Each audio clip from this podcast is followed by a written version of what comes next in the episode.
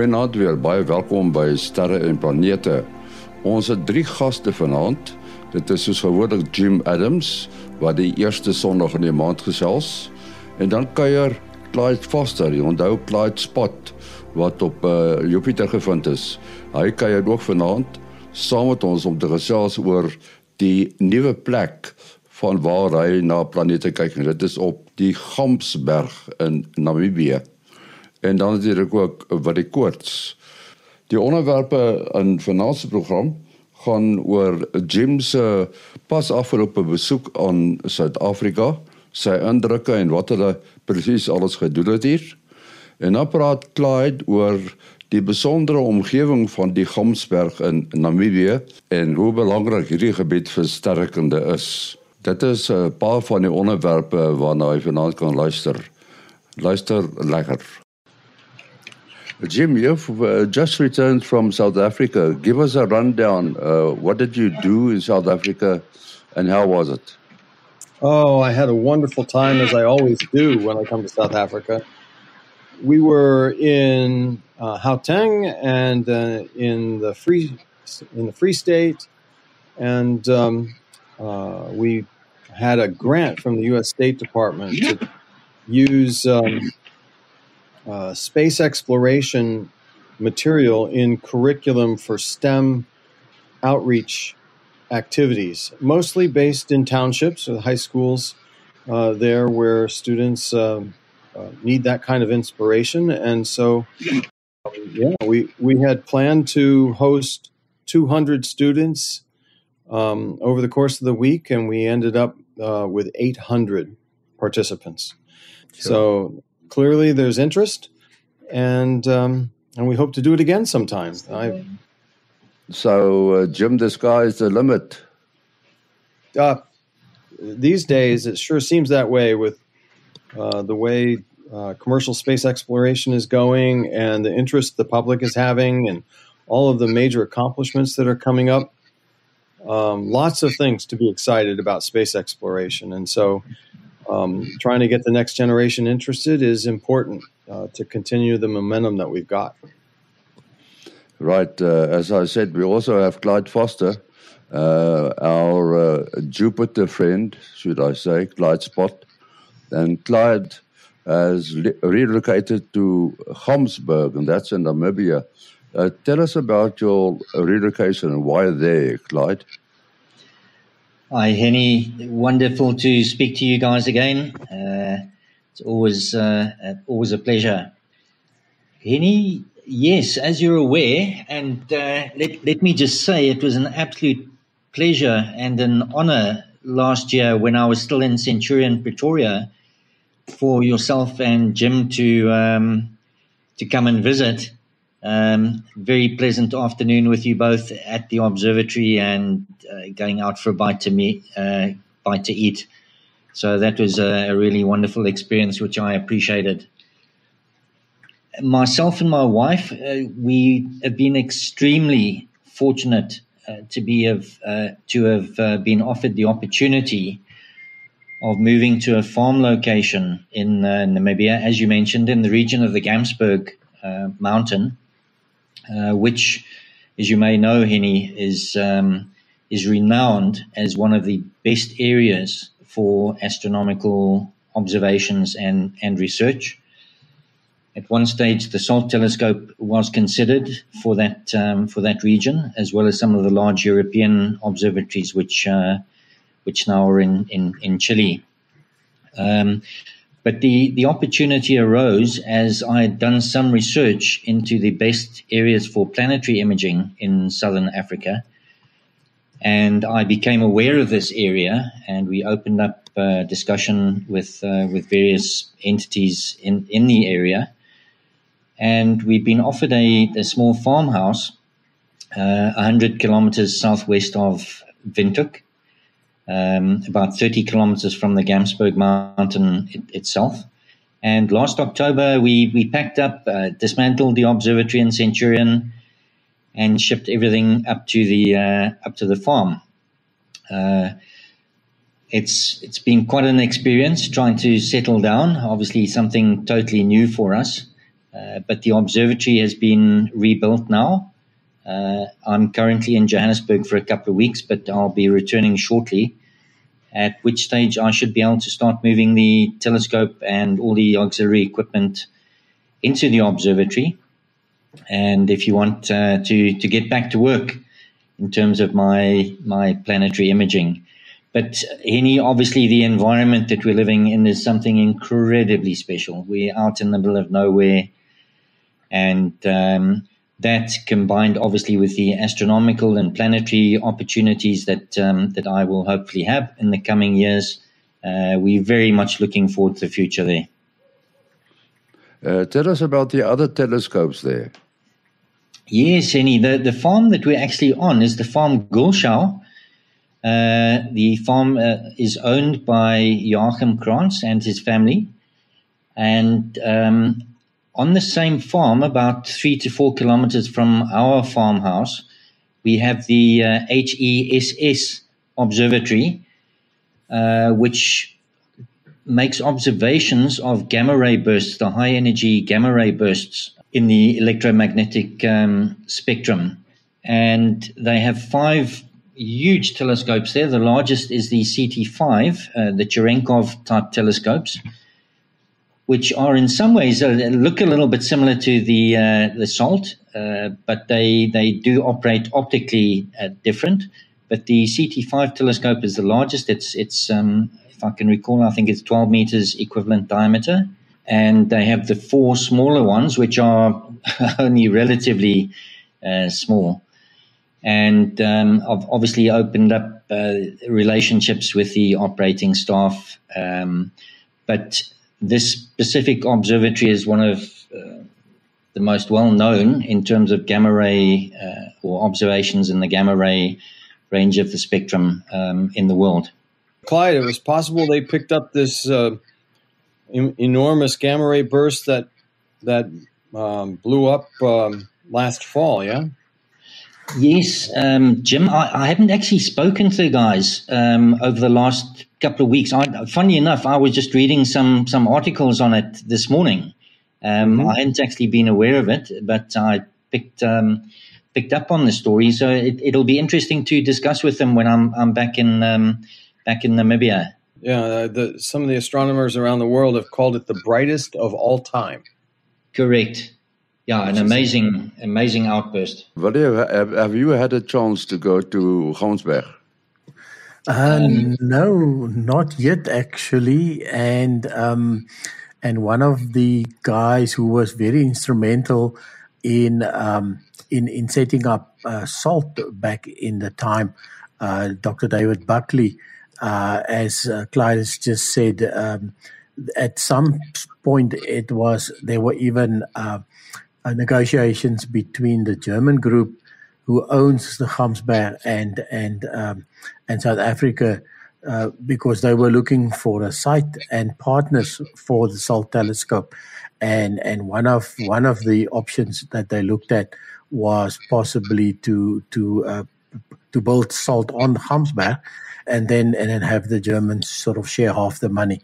So the, the South African government wasn't too excited about taking that amount of money out of the country and build SALT in a in a in a in a neighboring country.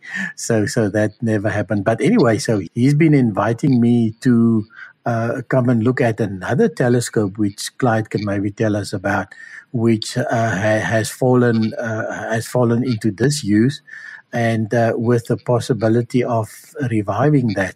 So, um, so I may even go there at some point and and and go and see Clyde and his new environment uh, firsthand.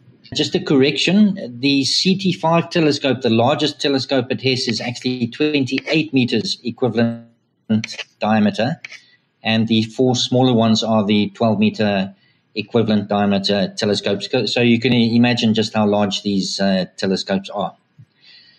Now, yeah, the telescope that Willie mentioned is is uh, the the ROTSE uh, telescope. There were actually five identical um, observatories and telescopes um, set up around the world in the early 2000s, and they were basically shut down. I think it was 2013 Uh, the specific telescope that's at um, at the Hess Observatory, that's where the uh, the ROTSE telescope is is located. I became aware of it uh, once I did a number of visits up to uh, the Hess site and asked a few questions because it was it's quite a nice from an amateur perspective. It's actually looks like a very nice telescope. It's 0.45 meter diameter, uh, which is very large for a for an amateur telescope. And uh, I did quite a bit of research and eventually uh, discovered that it, it was run by the Americans, I think at the University of Massachusetts, and uh, that it had been shut down in 2013. And I started asking the questions whether, in fact, it, it wasn't possible to get it operational again. And I did quite a lot of work uh, looking at all the equipment that was there, checking connections on the computers and the telescope. Um, and it, it does look like it's all there. But as I did further research, I became aware that the professional community also were expressing interest in potentially resurrecting this telescope. So it's lying, the project is lying somewhere uh, with the African Astronomical Society, which is a professional body. Um, I'm aware that uh, Willie is, is aware of these developments as well, and uh, David Buckley, um, as Willie mentioned. So we've had ongoing discussions. So I'm basically just in the position where I've, I've offered support if it's required um, any, but it, it would be nice to to have that facility uh, back up and going. It's not nice to see a, telescope slowly degrading and uh, and rusting away. We don't we don't want that to happen. I can maybe just mention one one thing about the Gamsberg. If you look at a map, um, and if it's a if it's a topographic map that shows you the the different heights, uh, uh, uh you know the contours, um, the Gamsberg is one massive plateau at exactly the same level. I don't think it goes up and down by one meter even. Uh, so it's this it's it's this koppie that just stands up above the above the surrounding area and it is completely flat. It's not, it's even flatter like as Table Mountain. It is just exceptionally flat. Is, is that correct, uh, uh, Clyde? And, and how does the observatories are spread, spread around it? Uh, Willie, you, you, you did right. It, if, if you zoom in on Google Earth uh, to the Gamsberg, it, it's remarkable. And it's, it's one of the, aspects that I'm going to be looking at um, very closely is the geology of the area. The geology of, of this area where we are living is is totally remarkable, uh, dating back to the, the Sea, where the Kalahari and Congo cratons came together and pushed this whole region up. Um, I think it's half a billion years ago. It's it's just ab- absolutely remarkable. But but you you did right. If you zoom in on the uh, the Gamsberg Mountain itself, what it reminds me of is is a um, is a machined um, piece of steel. um, it it just looks remarkably as if it's just been machined in amongst all the other top- topography um, of the of the area. To- totally remarkable and. Yeah, we, we, we're up on the inland plateau, or the, what they refer to as the Hochland, which is just under 2,000 meters altitude. And we're on the west, um, sorry, on the east of the Gamsberg. The Gamsberg mountain itself rises to about two and a half thousand meters, so about 500 meters above us. And then on the other side, it drops down to the Namib Desert. So there's a, a significant drop down to the desert on the western side of the um, the Gamsberg. Now, also as Willie mentioned, there are observatory facilities on the top of the mountain, these belong to the um, the IAS, which is the German uh, amateur observatory, and uh, they are permitted to operate up there um, by the owners. The owners of the top of the mountain are actually the Max Planck Institute, which the, is the same organization in Germany that operates the Hess Observatory um, on on our farm. So they've got some facilities on the top of the mountain and then at the Hakos guest farm um, at the bottom of the mountain, uh, the IAS has got various, uh, a number of very, very nice amateur telescopes uh, ranging up to 0.8 meter diameter. And I've become a member there. Um, it's about a, a half an hour drive for me from our farm to to that um, to that facility, and I have already uh, agreements in place where I will be able to intermittently use some of those telescopes. So very much looking forward to testing some of the larger telescopes there on on my planets. right, Jim. Let's uh, focus on two subjects. The one is the first all electrical thruster, uh, the Ivo quantum drive, and the other one is something about Osiris Rex. Could you fill us in there?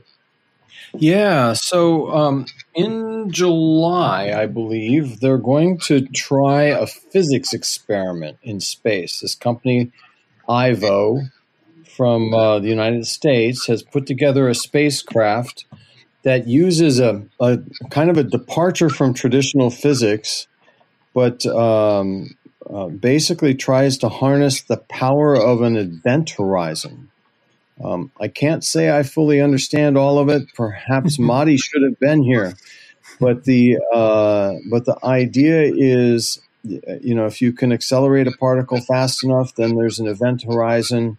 That event horizon then um, can possibly create uh, sort of a, a warp bubble, if you will, around the spacecraft, and then the spacecraft can travel very very fast. And so the thing about theories like this is it you know it's really easy for traditional physicists to dismiss them because it's it kind of like flies in the face of of traditional f- physics. When i was at nasa um, i was assigned to be the advocate for some of these kind of uh, odd theories one of which was dr Sonny White who had a similar if not competing um, theory for for fast space travel like Ivo. And you know, if you don't try things, then the theory, then the idea just dies, and we don't make progress forward. So we we need to try new things and put together the best scientific experiment we possibly can. And I kind of look forward to the to the in space test program for the Ivo spacecraft. We'll see how that. Uh, how that turns out. And the Osiris Rex? Oh, Osiris Rex. Well, if you remember, back in 2016, we launched a spacecraft to the asteroid Bennu. It took it uh, two years and a few months to arrive at Bennu. It did a survey of Bennu for a couple of years, and then eventually it touched down and it grabbed a piece of the asteroid into a sample container, about 250 grams or so and then it um, began in May of 2021. So two years ago, it began its journey back home to Earth. It's going to arrive at Earth on September 4th, 2023. So t- September 4th of this year, um, the capsule will separate from the shepherding spacecraft, and the capsule will enter the Earth's atmosphere and eventually uh, pop out some parachutes and land on the surface in the United States in the state of Utah. Um, scientists are very excited about this uh, because we've tried, um, specifically, Japan has tried in the past to retrieve uh, pieces of asteroids, and we've it's, it's there's always been technical problems.